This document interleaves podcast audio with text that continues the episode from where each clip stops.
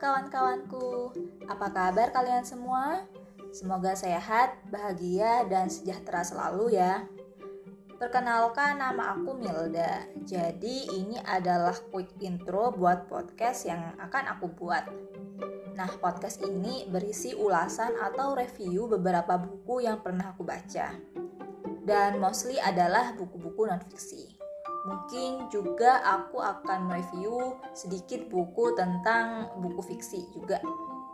Nah, tujuannya ya biar kalian bisa mengetahui isi sebuah buku tanpa harus membacanya. Ya, kalau kalian lagi males baca buku aja sih. Jadi, podcast ini bisa kamu dengarkan menjelang tidur atau saat sedang menikmati waktu santaimu. Dan terima kasih banget ya sudah mampir di sini. Stay tune.